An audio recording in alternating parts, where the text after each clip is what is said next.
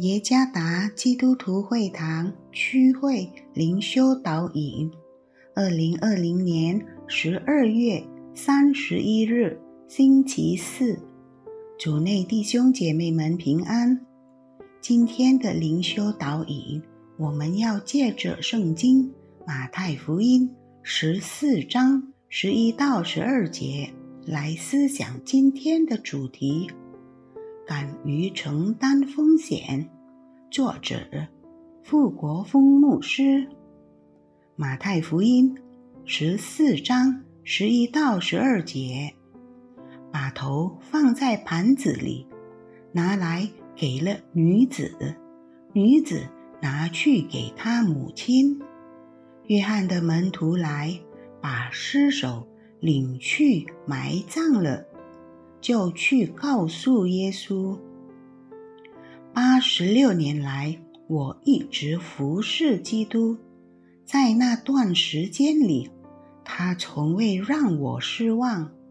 我怎么能诅咒拯救了我的王？这是活在公元一百五十五年，上帝的殉道者波利卡普。所表达的信仰宣言，在罗马军官胁迫他放弃对基督的信仰时，波利卡普表现出坚定的信心态度。因他坚定的信心态度，导致波利卡普被活活烧死在火刑柱上。他是一个敢于承担风险，甚至敢于舍弃生命的上帝之勇士。在我们今天所阅读的经文中，上帝之勇士施洗约翰敢于承担斥责当时以色列国的统治者及希律王室的风险。显然，施洗约翰曾多次斥责西律安提帕斯，这在第四节中可以看到。动词说可以读作他曾经重复说过。由于他有勇气斥责以色列以道德低下而闻名的统治王室。施洗约翰被捕、入狱，并被砍首。犹太历史学家约瑟夫斯说：“希律出于政治原因将约翰砍首。”作为旧约时代的最后一位先知，施洗约翰和他许多前任一样，死于殉道。